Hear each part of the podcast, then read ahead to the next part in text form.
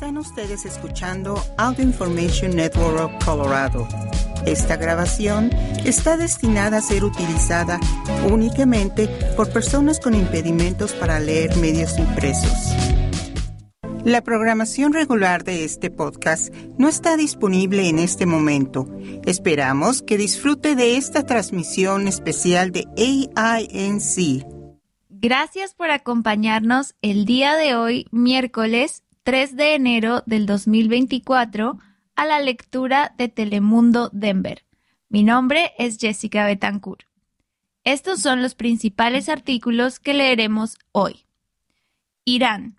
Más de 100 muertos tras ataque terrorista en aniversario de general asesinado. Sube a 78 la cifra de muertos por devastador terremoto en Japón. En medio de crisis migratoria, Estados Unidos planea la reapertura de múltiples puntos de acceso en la frontera sur. Y continuaremos con algunos artículos diversos. Irán. Más de 100 muertos tras ataque terrorista en aniversario de general asesinado. Las explosiones ocurrieron durante un evento por el cuarto aniversario del asesinato del general Qasem Soleimani por Associated Press. Teherán, Irán.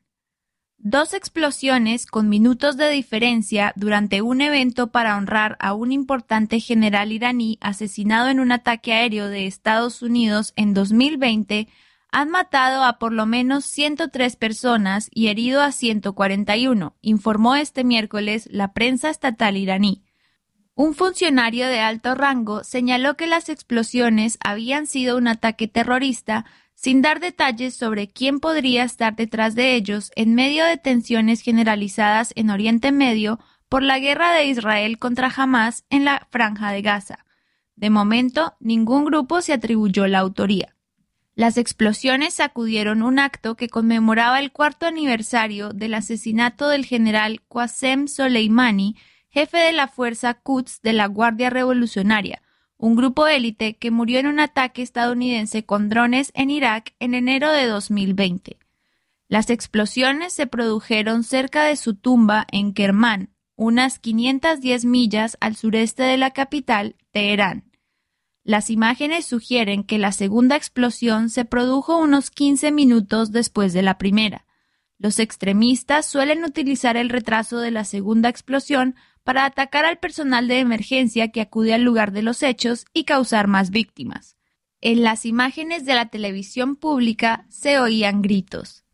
El vicegobernador de Kermán, Rahman Halali, señaló que se trataba de un ataque terrorista sin proporcionar más detalles. Irán tiene varios enemigos que podrían estar detrás del asalto, incluidos grupos exiliados, organizaciones milicianas y otros actores estatales. Irán apoya a Hamas, así como a la milicia chií libanesa Hezbollah y a los rebeldes hutíes. ¿Quién es Qasem Soleimani? Soleimani fue el arquitecto de las actividades militares regionales de Irán y es considerado un ícono nacional entre los partidarios de la teocracia del país. También ayudó a asegurar el gobierno del presidente sirio Bashar Assad luego de que las protestas de la primavera árabe en 2011 en su contra se volvió una guerra civil que más tarde creció a una regional que sigue hasta hoy en día. La popularidad y misticismo de Soleimani, que era poco conocido en Irán hasta la invasión en 2003 de Estados Unidos de Irak, creció luego de que funcionarios estadounidenses pidieran su asesinato por su ayuda para armar a militantes con bombas penetrantes colocadas al borde de las carreteras que mataron y mutilaron a tropas estadounidenses.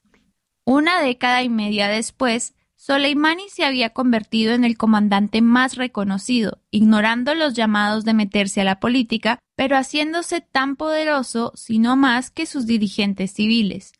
Finalmente, un ataque con drones lanzado por la administración de Donald Trump acabó con la vida del general, parte de la escalada de incidentes que siguió a la retirada unilateral de Estados Unidos en 2018 del acuerdo nuclear de Teherán con las potencias mundiales. Sube a 78 la cifra de muertos por devastador terremoto en Japón. Los servicios de agua, electricidad y telefonía celular seguían inoperantes en algunas áreas. Por The Associated Press. Suzu, Japón.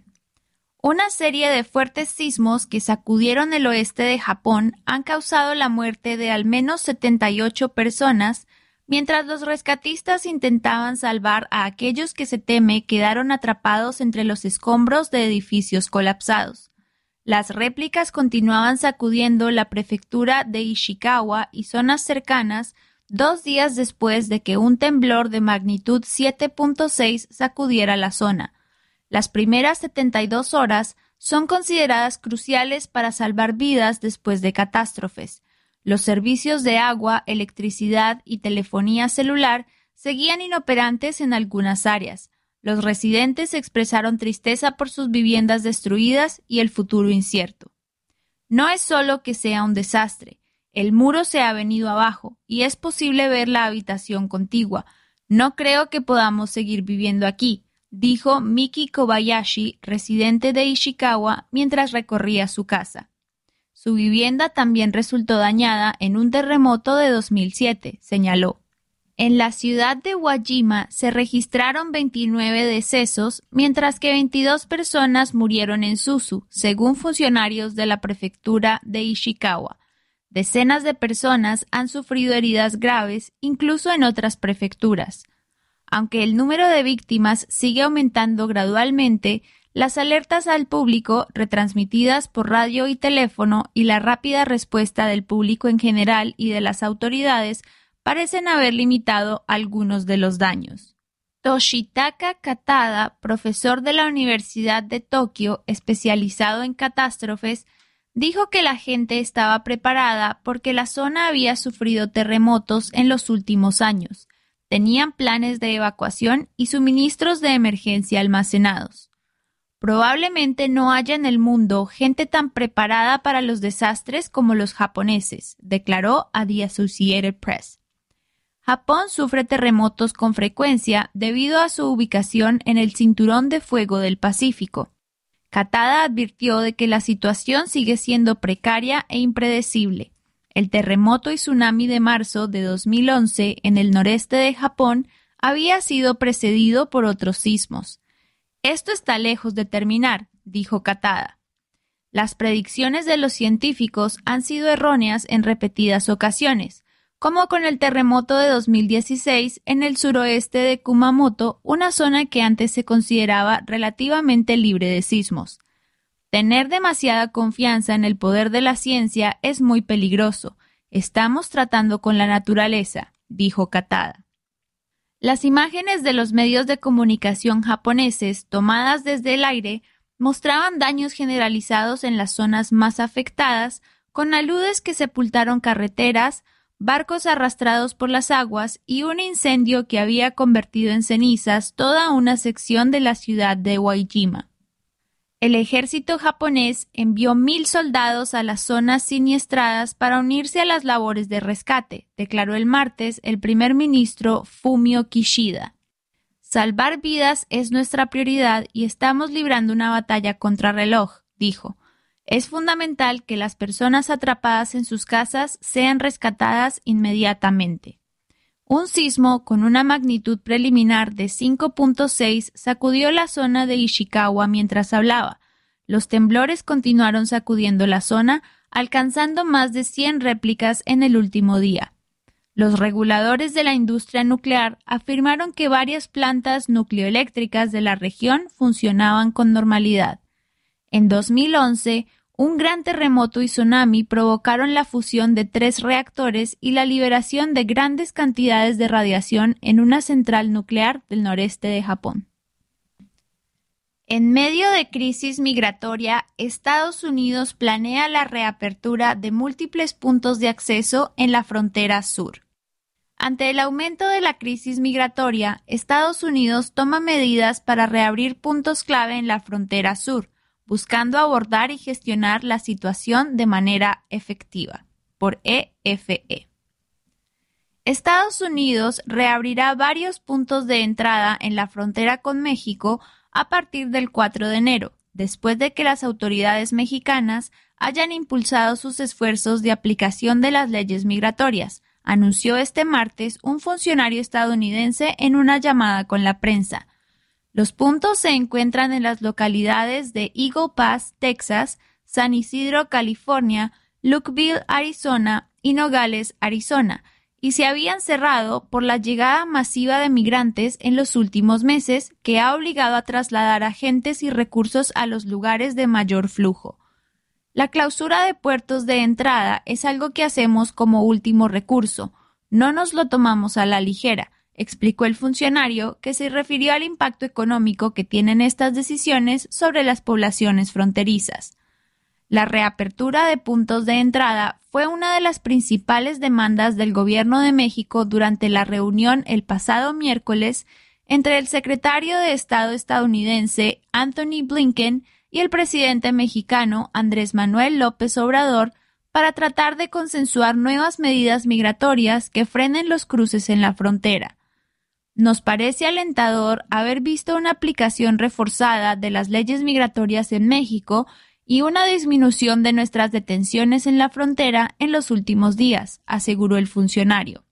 Otra funcionaria estadounidense explicó que a finales de mes una delegación mexicana liderada por la ministra de Exteriores Alicia Bárcena visitará Estados Unidos para reunirse con la misma delegación que viajó la semana pasada a México, entre los que también estuvieron el secretario de Seguridad Nacional y encargado de la Policía Migratoria estadounidense Alejandro Mayorkas y la asesora de seguridad de la Casa Blanca Liz Sherwood Randall.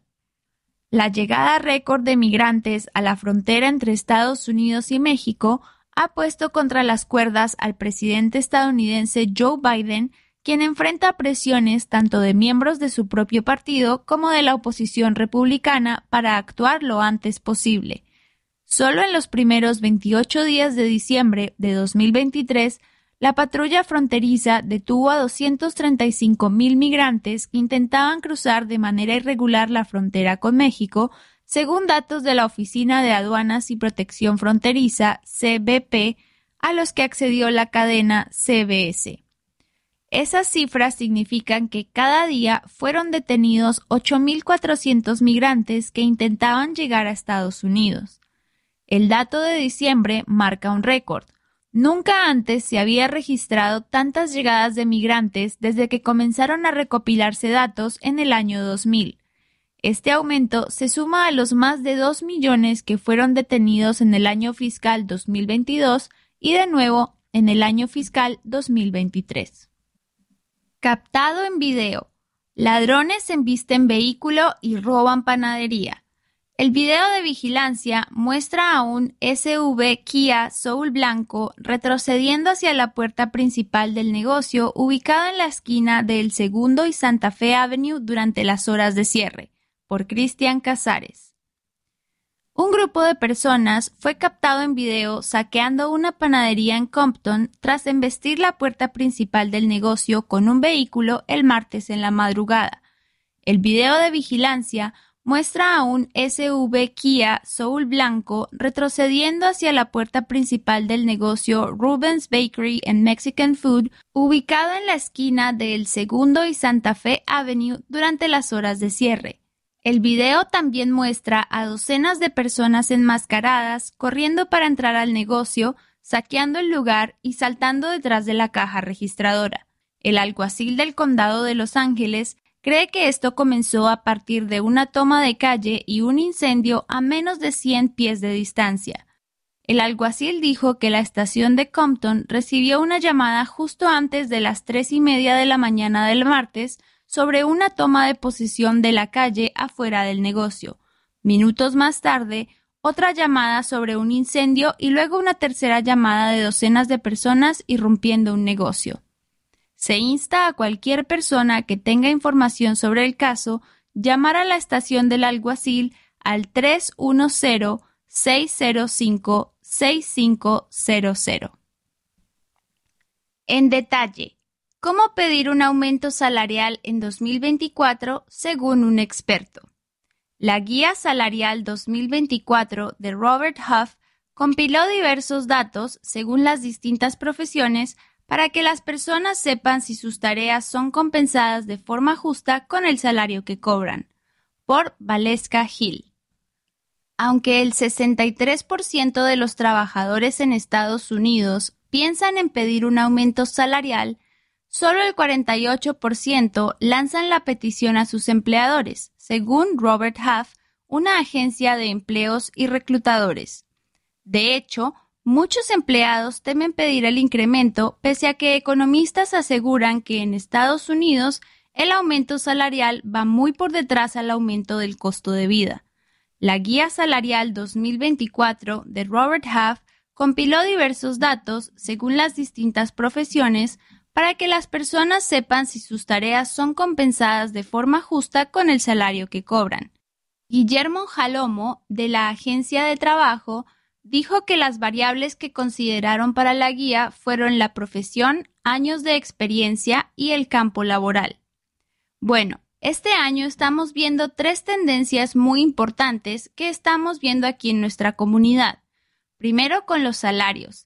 El salario sigue siendo la prioridad máxima para los empleados, especialmente cuando están buscando ese aumento con la compañía en la que trabajan.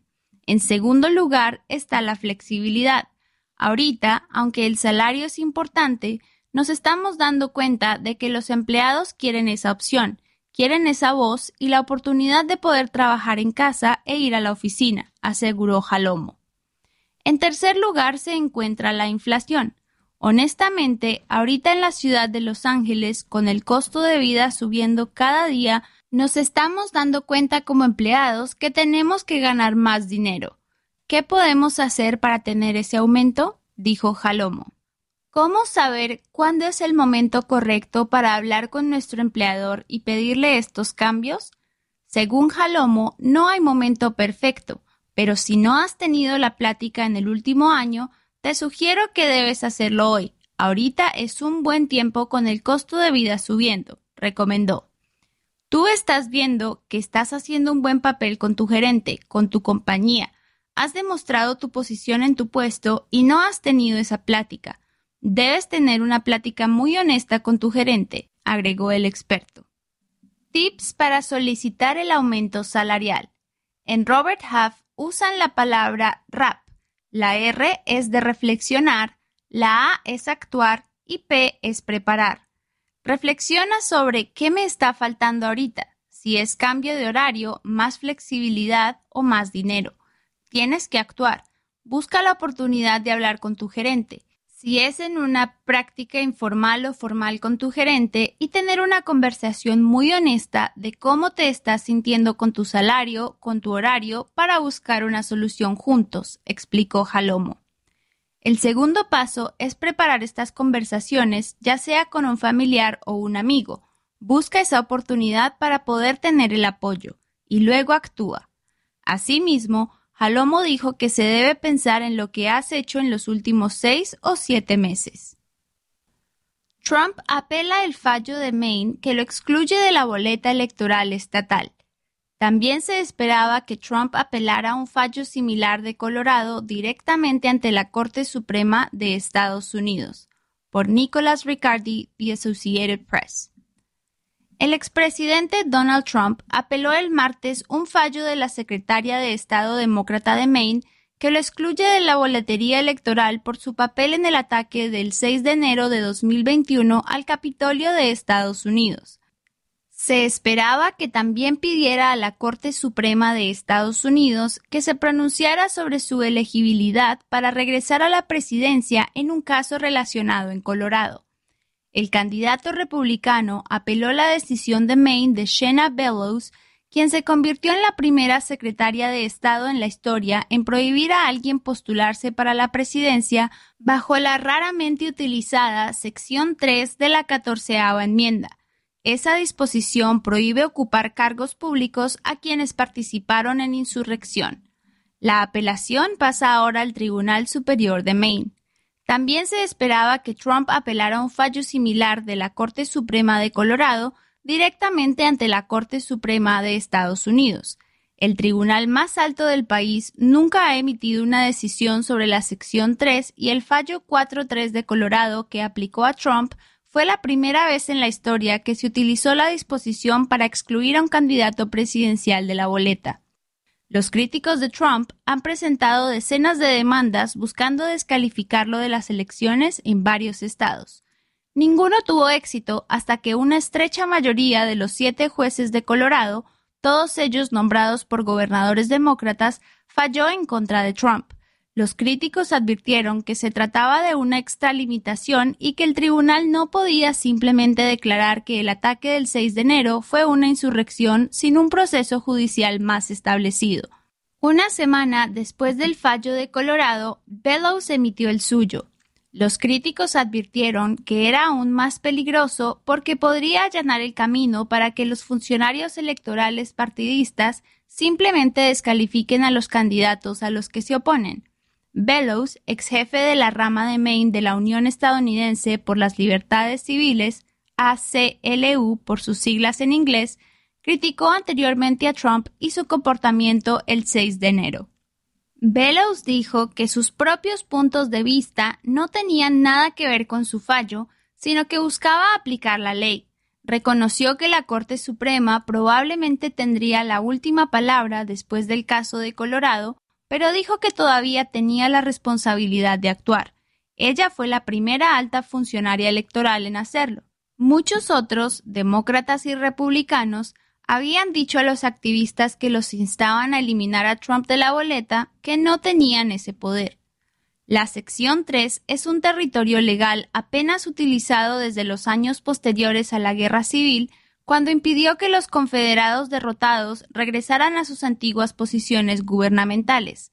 La cláusula de dos oraciones dice que cualquiera que jure apoyar la Constitución y luego participe en una insurrección no puede ocupar un cargo a menos que dos tercios de los votos del Congreso lo permitan. El Congreso concedió amnistía a la mayoría de los exconfederados en 1872 y la sección 3 cayó en desuso. Los juristas creen que su única aplicación en el siglo XX fue ser citada por el Congreso en 1919 para bloquear el asiento de un socialista que se oponía a la participación de Estados Unidos en la Primera Guerra Mundial y fue elegido miembro de la Cámara de Representantes, pero volvió a utilizarse después del 6 de enero de 2021. En 2022, un juez la utilizó para destituir de su cargo a un comisionado del Condado Rural de Nuevo México después de que fuera declarado culpable de un delito menor por ingresar al Capitolio de Estados Unidos el 6 de enero. Los grupos liberales presentaron una demanda para impedir que los representantes republicanos Madison Cawthorn y Marjorie Taylor Greene se postularan para la reelección debido a sus acciones ese día. El caso de Cawthorn se volvió discutible cuando perdió sus primarias en 2022 y un juez dictaminó mantener a Green en la boleta electoral. Algunos conservadores advierten que si Trump es destituido, los grupos políticos utilizarán habitualmente la sección 3 contra sus oponentes de maneras inesperadas. Han sugerido que podría usarse para destruir a la vicepresidenta Kamala Harris, por ejemplo, porque recaudó dinero para la fianza de personas arrestadas después del asesinato de George Floyd a manos de la policía de Minneapolis en 2020. Trump y sus aliados han atacado los casos en su contra como antidemocráticos y han tratado de vincularlos con el presidente Joe Biden porque el caso de Colorado y algunos otros están financiados por grupos liberales que comparten donantes destacados con el presidente demócrata pero la administración de Biden ha señalado que el presidente no tiene ningún papel en el litigio. Quienes apoyan el uso de la disposición contra Trump responden que el ataque del 6 de enero no tuvo precedentes en la historia de Estados Unidos y que habrá pocos casos tan maduros para la sección 3. Si la Corte Suprema permite que Trump permanezca en la boleta, han sostenido, será otro ejemplo de cómo el expresidente torció el sistema legal para excusar su comportamiento extremo. Tras años de misterio, científicos revelan por qué la orina es color amarilla. Un sorprendente hallazgo científico revela el misterio que rodeaba el color amarillo de la orina, despejando siglos de incertidumbre y proporcionando una comprensión más clara de este fenómeno fisiológico. por EFE. Desde hace siglos, los científicos se han preguntado por qué la orina es amarilla. Ahora un equipo de investigadores estadounidense ha descubierto que el responsable del color amarillento es una enzima denominada bilirubin reductase. En un estudio publicado este miércoles en Nature Microbiology, un equipo de la Universidad de Maryland, dirigido por el profesor Brantley Hall, reveló el hallazgo de la enzima. El descubrimiento de esta enzima finalmente desentraña el misterio del color amarillo de la orina. Es increíble que un fenómeno biológico cotidiano no tuviese explicación durante tanto tiempo y nuestro equipo está encantado de poder explicarlo, declaró Hall en un comunicado.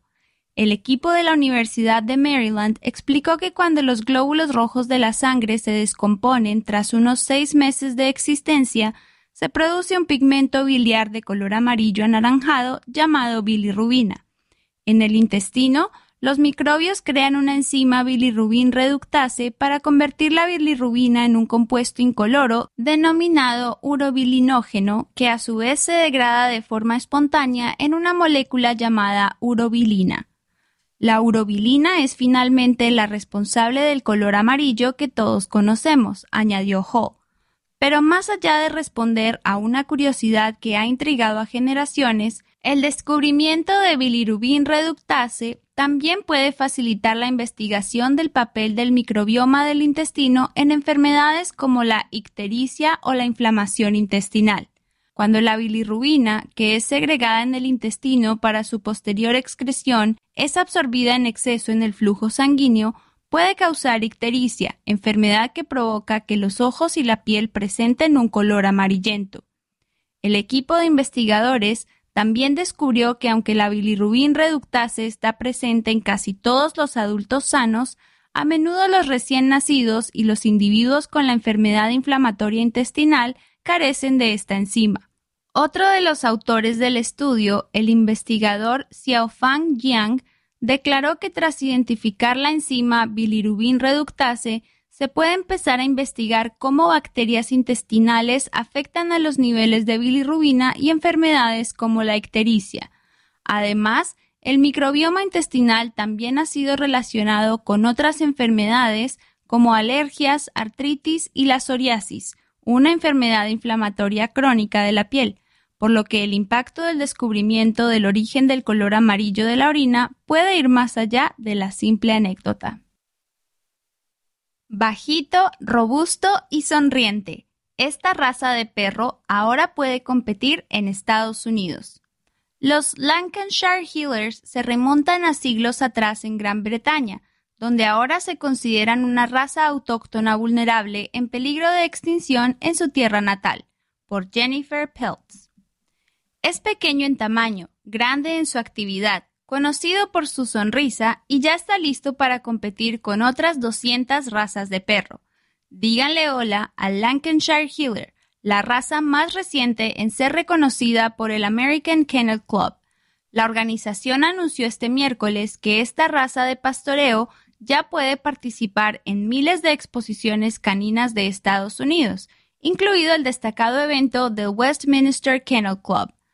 Estos perros de cuerpo alargado y pelaje corto, a menudo negro y café, tienen la forma de un corgi de tamaño reducido, miden alrededor de 12 pulgadas a la altura de los hombros y pesan hasta 17 libras. Históricamente, eran ayudantes en las granjas, tanto para conducir el ganado como para ahuyentar ratas, y hoy en día participan en toda una serie de deportes y actividades caninas.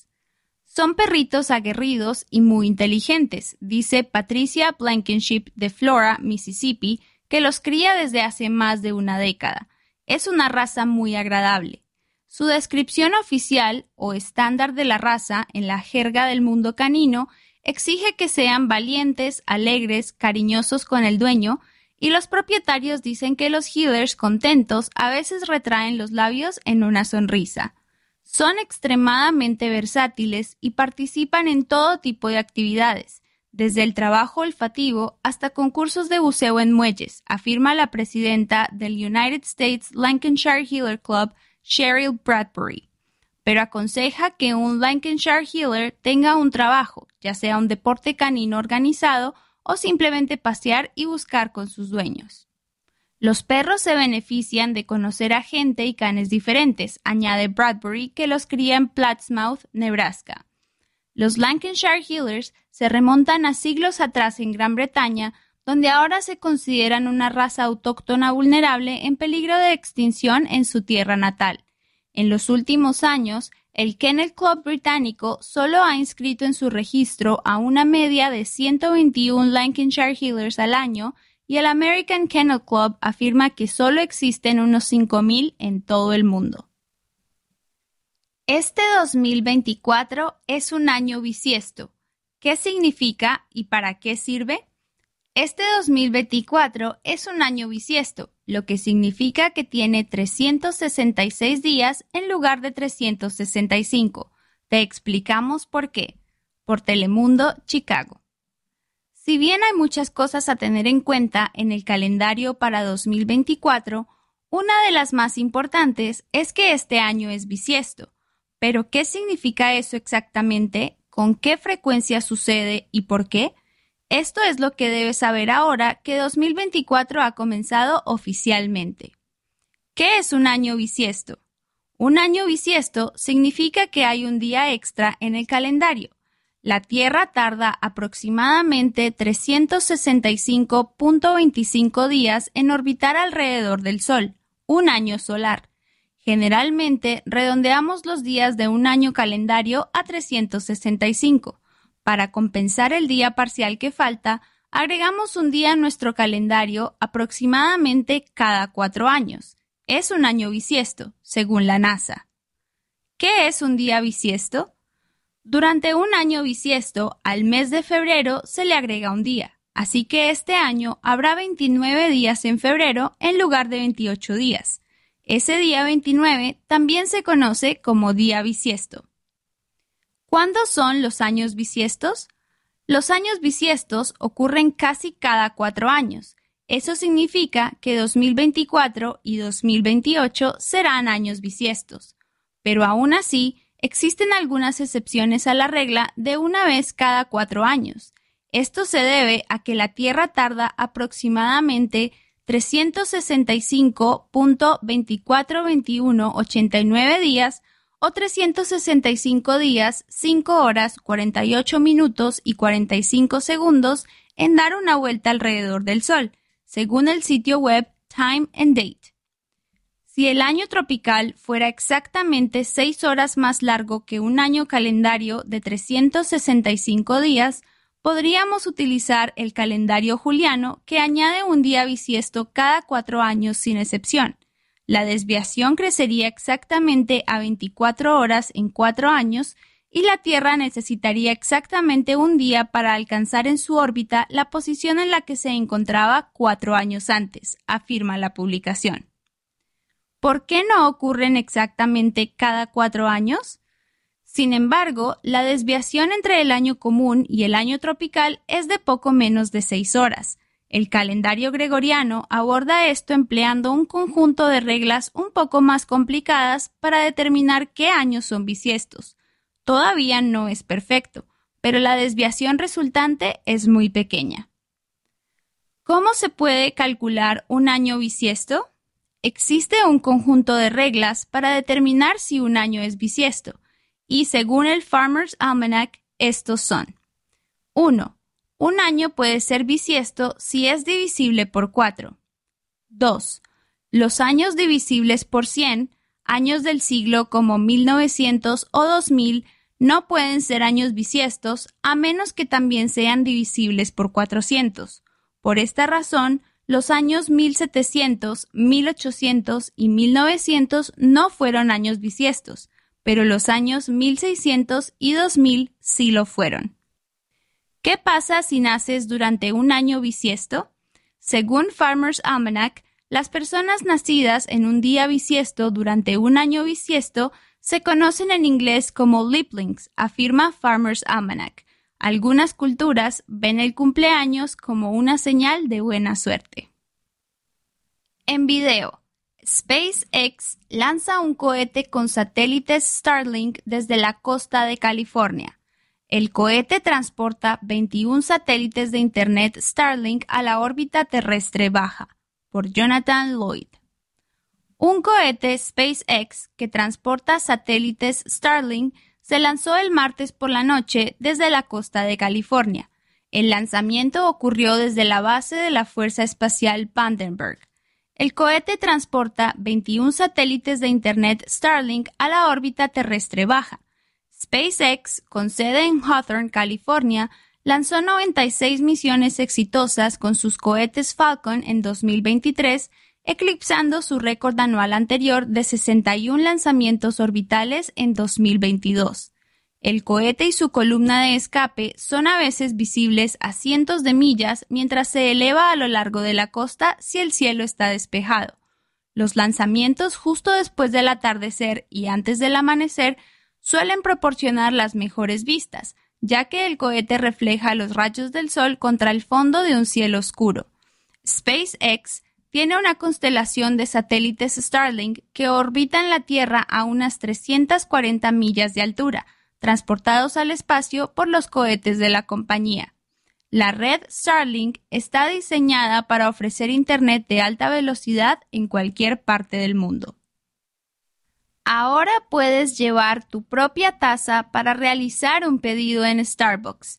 Los clientes de las tiendas participantes en Estados Unidos y Canadá que traigan una taza personal y limpia recibirán un descuento de 10 centavos en su bebida por Ivana Leos, Telemundo 48, El Paso.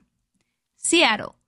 Starbucks Coffee Company anunció que a partir de este miércoles, los clientes de todas las tiendas Starbucks con licencia operadas por la compañía y participantes en Estados Unidos y Canadá pueden usar su taza personal limpia al realizar pedidos en la cafetería, en el autoservicio o al realizar el pedido con la app de Starbucks.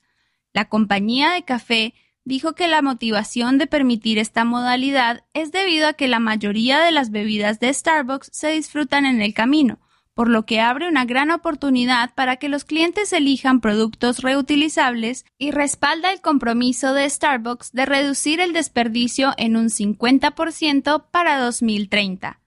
En Starbucks imaginamos un futuro en el que todas las bebidas se puedan servir en un vaso reutilizable, dijo Michael Kobori, director de sostenibilidad de Starbucks.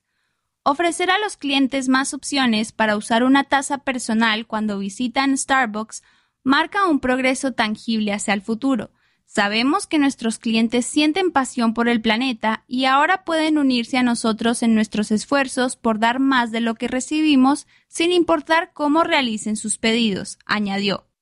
Starbucks es la primera cafetería nacional de Estados Unidos que ofrece a los clientes la opción de utilizar su taza personal al realizar pedidos móviles. En Canadá, Starbucks es el primero en ofrecer a los clientes la opción de utilizar su vaso personal en pedidos móviles para todas las bebidas y todos los tamaños. Esto es parte de un movimiento cultural más amplio que la compañía está liderando para cambiar hacia los plásticos reutilizables y alejarse de los plásticos de un solo uso, haciendo que sea conveniente para los clientes usar su vaso personal en cada visita. Como sabemos, el vaso más sostenible probablemente sea el que ya posee. Llevar su propio vaso a las tiendas es un paso fundamental para reducir el desperdicio de envases de un solo uso.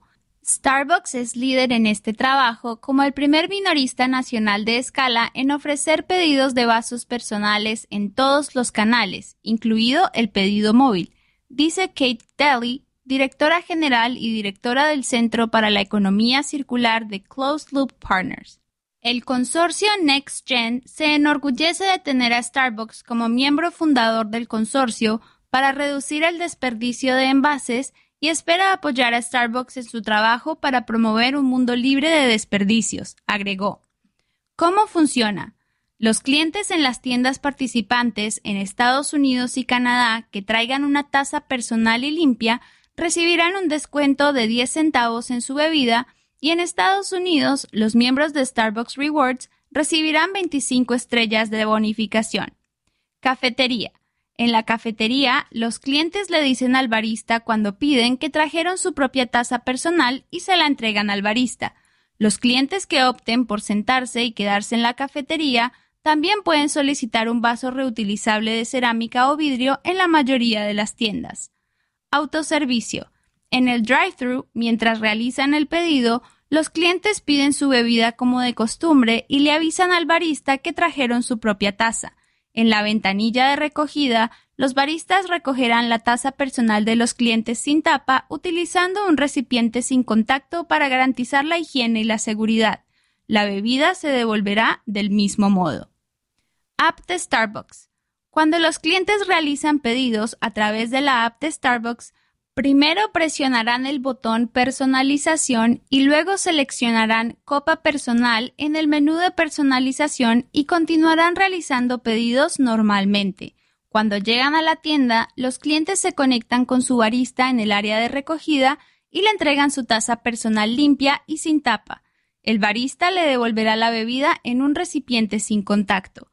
Esto es válido en tiendas participantes únicamente para compras de bebidas en tiendas, drive-thru o dentro de la app, máximo tres veces por día.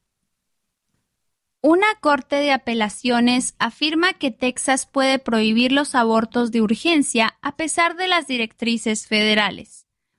El gobierno de Biden había apelado el fallo que no permite exigirles a los doctores del estado realizar abortos para estabilizar a pacientes con emergencias médicas. La decisión pone en peligro la vida de las embarazadas que presenten complicaciones obstétricas. Por Zoe Richards. Una Corte Federal de Apelaciones dictaminó este martes que Texas puede prohibir los abortos de urgencia a pesar de que el Departamento de Salud y Servicios Humanos de Estados Unidos afirma que un reglamento federal tiene prioridad sobre las leyes estatales que prohíben ese procedimiento. La Corte de Apelaciones del Quinto Circuito confirmó la decisión de un tribunal de distrito que falló a favor del fiscal general de Texas, Ken Paxton, la apelación fue vista por el juez Leslie Southwick, designado por el presidente George W. Bush y Kurt Engelhardt y Corey Wilson, quienes fueron escogidos por Trump. El argumento de los demandantes de Texas de que el tratamiento médico está históricamente sujeto a la autoridad de los estados, que no debe ser sustituida a menos que ese fuera el propósito claro y manifiesto del Congreso, es convincente, escribió Engelhardt.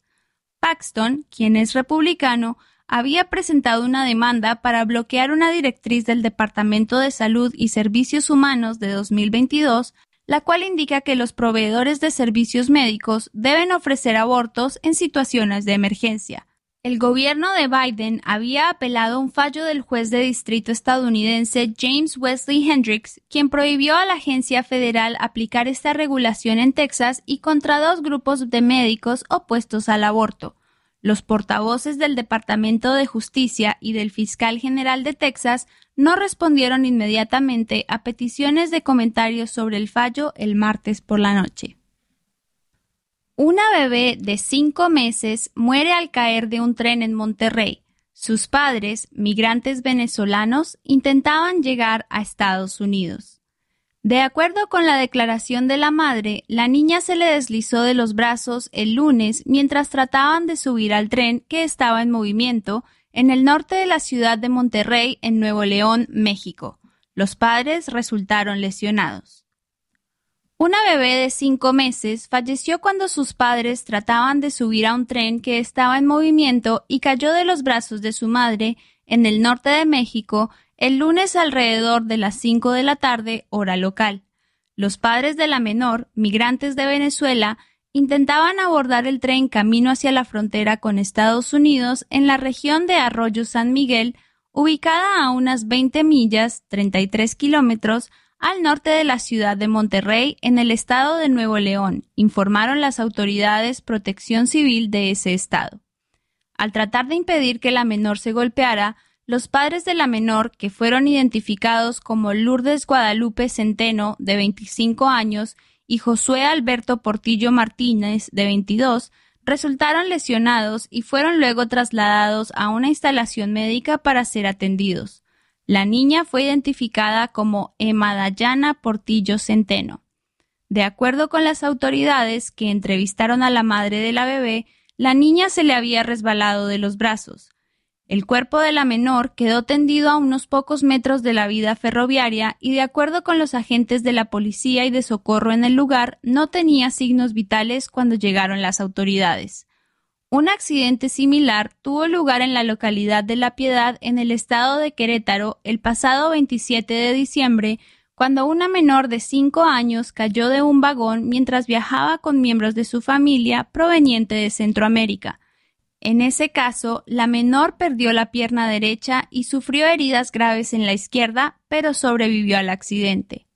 El pasado 19 de septiembre, tras las muertes y lesiones provocadas por el aumento del número de migrantes que se montan en los trenes de mercancías, la empresa mexicana de transportes Ferromex informó que por primera vez en su historia estaba interrumpiendo de manera temporal los viajes de 60 trenes que dirigen hacia la frontera con Estados Unidos.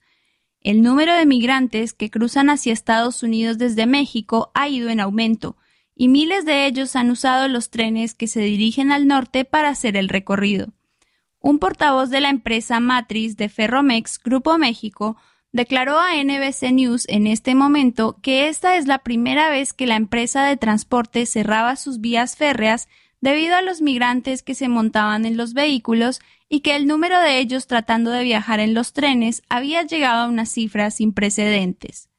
El número de migrantes procesados por la Agencia Federal de Aduanas y Protección Fronteriza de Estados Unidos, CBP en inglés, tras cruzar la frontera desde México, batió récords en diciembre con más de 300.000, una cifra que incluye también un récord de familias con niños, según datos internos del gobierno federal reportados por la cadena de noticias CBS News. La patrulla fronteriza había interceptado hasta el 31 de diciembre a más de 250.000 migrantes indocumentados que cruzaron de forma irregular, la mayoría en Texas y Arizona, a los que se suman otros 50.000 que siguieron los cauces dictados por la administración Biden para solicitar asilo legalmente. Biden pide a la Corte Suprema intervenir en la batalla legal por el alambre de púas que Texas instaló en la frontera. La solicitud se produce después de que una Corte Federal de Apelaciones le impidiera al gobierno el mes pasado destruir la controversial alambrada con la que el gobernador Greg Abbott busca frenar a los migrantes que cruzan desde México. El gobierno de Biden pidió el martes al Tribunal Supremo que permita a los agentes federales de la patrulla fronteriza cortar o desplazar el alambre de púas que Texas instaló en la frontera entre Estados Unidos y México como parte de un polémico esfuerzo del Estado para impedir el cruce ilegal de la frontera. La Procuradora General, Elizabeth Prelogar, afirmó en un recurso judicial que los agentes de la patrulla fronteriza tienen autoridad, en virtud de la legislación federal, para acceder a terrenos privados en la frontera y que Texas no tiene motivos para impedirles que lleven a cabo sus funciones. El gobierno de Biden afirma que la alambrada impide a los agentes llegar a los inmigrantes que ya han cruzado la frontera con Estados Unidos. El caso surgió cuando la administración del gobernador de Texas, el republicano Greg Abbott, instaló la alambrada cerca del Río Grande en Eagle Pass, Texas, como parte de una operación para hacer frente a la inmigración ilegal que ha enfrentado al Estado con la administración de Biden. Cuando los agentes de la patrulla fronteriza cortaron parte de la alambrada, Texas interpuso una demanda en la que alegó que los agentes habían invadido y dañado la propiedad estatal. En la demanda, el fiscal general de Texas, Ken Paxton, acusó al gobierno de Biden de socavar los esfuerzos del Estado para asegurar la frontera, que recibió números récord de migrantes en 2023. Texas tiene el derecho soberano de construir barreras fronterizas para impedir la entrada de extranjeros ilegales, declaró Paxton en ese momento. Un juez federal se negó a imponer una medida cautelar contra el gobierno federal pero el Tribunal de Apelaciones del Quinto Circuito de Estados Unidos, con sede en Nueva Orleans, falló el mes pasado a favor de Texas y dijo que los agentes no podían cortar o mover la alambrada a menos que hubiera una emergencia médica. Al igual que otros funcionarios encargados de hacer cumplir la ley, los agentes de la patrulla fronteriza que operan en circunstancias difíciles en la frontera deben tomar decisiones que dependen del contexto, a veces en fracciones de segundo, sobre cómo hacer cumplir las leyes federales de inmigración, manteniendo al mismo tiempo la seguridad pública, escribió Prelogar. Pero la medida cautelar prohíbe a los agentes atravesar o mover los obstáculos físicos erigidos por el Estado que impiden el acceso a la misma frontera que están encargados de patrullar y a los individuos que están encargados de detener e inspeccionar, añadió. El plan de Abbott para hacer cumplir la ley de inmigración, denominado Operación Estrella Solitaria, también incluye el traslado en autobús de miles de inmigrantes a ciudades dirigidas por demócratas y la detención de inmigrantes acusados que hayan cruzado la frontera ilegalmente. Anteriormente, el Estado había colocado boyas en el Río Grande para impedir los cruces, lo que llevó a la administración Biden a presentar una demanda. Los tribunales inferiores ordenaron la retirada de las boyas. Las comunicaciones de la torre de control en Japón apuntan al posible culpable del choque mortal entre dos aviones. Cinco personas perdieron la vida al colisionar un aparato de la Guardia Costera contra una aeronave con 379 pasajeros y tripulantes a bordo en el aeropuerto de Tokio. Una transcripción de las comunicaciones entre el control de tráfico aéreo en el aeropuerto Haneda de Tokio, Japón, y los dos aviones que colisionaron este martes apunta a que la aeronave de pasajeros de Japan Airlines tenía autorización para usar la pista para aterrizar y el aparato de la Guardia Costera no tenía permiso para despegar, según informa la agencia de noticias japonesa Kyodo. Cinco ocupantes del Bombardier Dash 8 de la Guardia Costera perdieron la vida y el piloto resultó herido.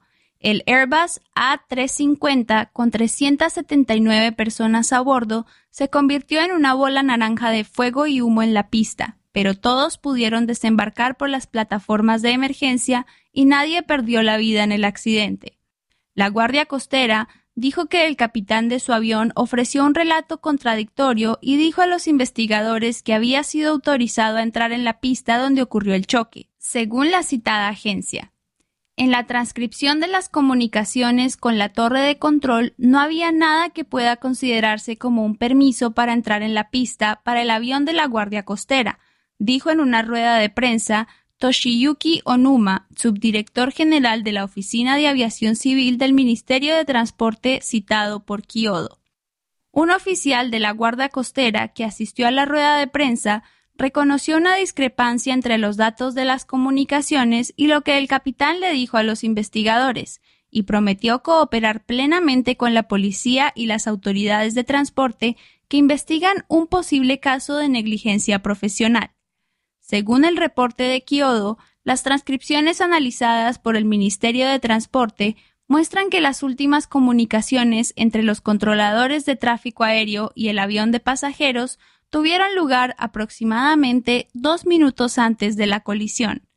Un portavoz dijo que un equipo de oficiales estaba realizando entrevistas e investigando la pista 3-4 justo donde chocaron los aviones, según Reuters, pero se negaron a comentar si estaban investigando una posible negligencia profesional, agrega Reuters. Uno de los pasajeros, William Mancione, dijo que todavía podía sentir la adrenalina correr por su cuerpo más de 24 horas después del choque. Explicó que sintió un impacto enorme. Cuando me levanté de mi asiento, comencé a ver llamas por las ventanillas y me di cuenta de que esto no era bueno. Cuando vi el tobogán inflable, entendí que esto era malo concluyó. Mansiones se dijo asombrado cuando supo que había otro avión involucrado. Nos dimos cuenta de que probablemente habíamos esquivado una bala realmente grande. Permiso para aterrizar para el avión de pasajeros.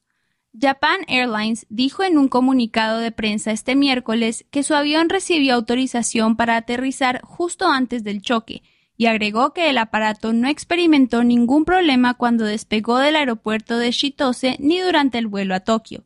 Las transcripciones del control de tráfico reveladas por el Ministerio de Transporte este miércoles de unos 4 minutos y 25 segundos antes del choque parecían confirmar que al avión de pasajeros se le había dado permiso para aterrizar y que se había ordenado al avión de la Guardia Costera que rodara hasta un punto de espera cerca de la pista. A este aparato no se le dio una aprobación de despegue. Según el texto, el control aéreo de Tokio dio permiso al Airbus A350 de Japan Airlines para aterrizar en la pista C, advirtiendo de que había un avión preparado para despegar. El piloto repitió la instrucción. El avión de la Guardia Costera dijo por su parte que estaba avanzando hacia la misma pista y el control de tráfico le indicó que se dirigiera a la línea de parada delante de esta. El controlador señaló que la Guardia Costera tenía prioridad de salida y el piloto dijo que se estaba moviendo hacia la línea de parada. Su comunicación en la transcripción termina ahí. Dos minutos más tarde hubo una pausa de tres segundos que aparentemente indicaba el momento de la colisión. El avión de la Guardia Costera se preparaba para partir hacia Niigata para entregar suministros de socorro a los residentes de las regiones afectadas por potentes sismos del lunes con más de 70 fallecidos. El primer ministro japonés, Fumio Kishida, dijo a los periodistas el miércoles que el incendio del aeropuerto no afectará la entrega de ayuda. Varios ministerios están trabajando juntos y han asegurado numerosas rutas, dijo. Creo que el accidente en el aeropuerto de Haneda no ha tenido ningún impacto en la entrega de ayuda. Gracias por acompañarnos en esta edición de Telemundo Denver.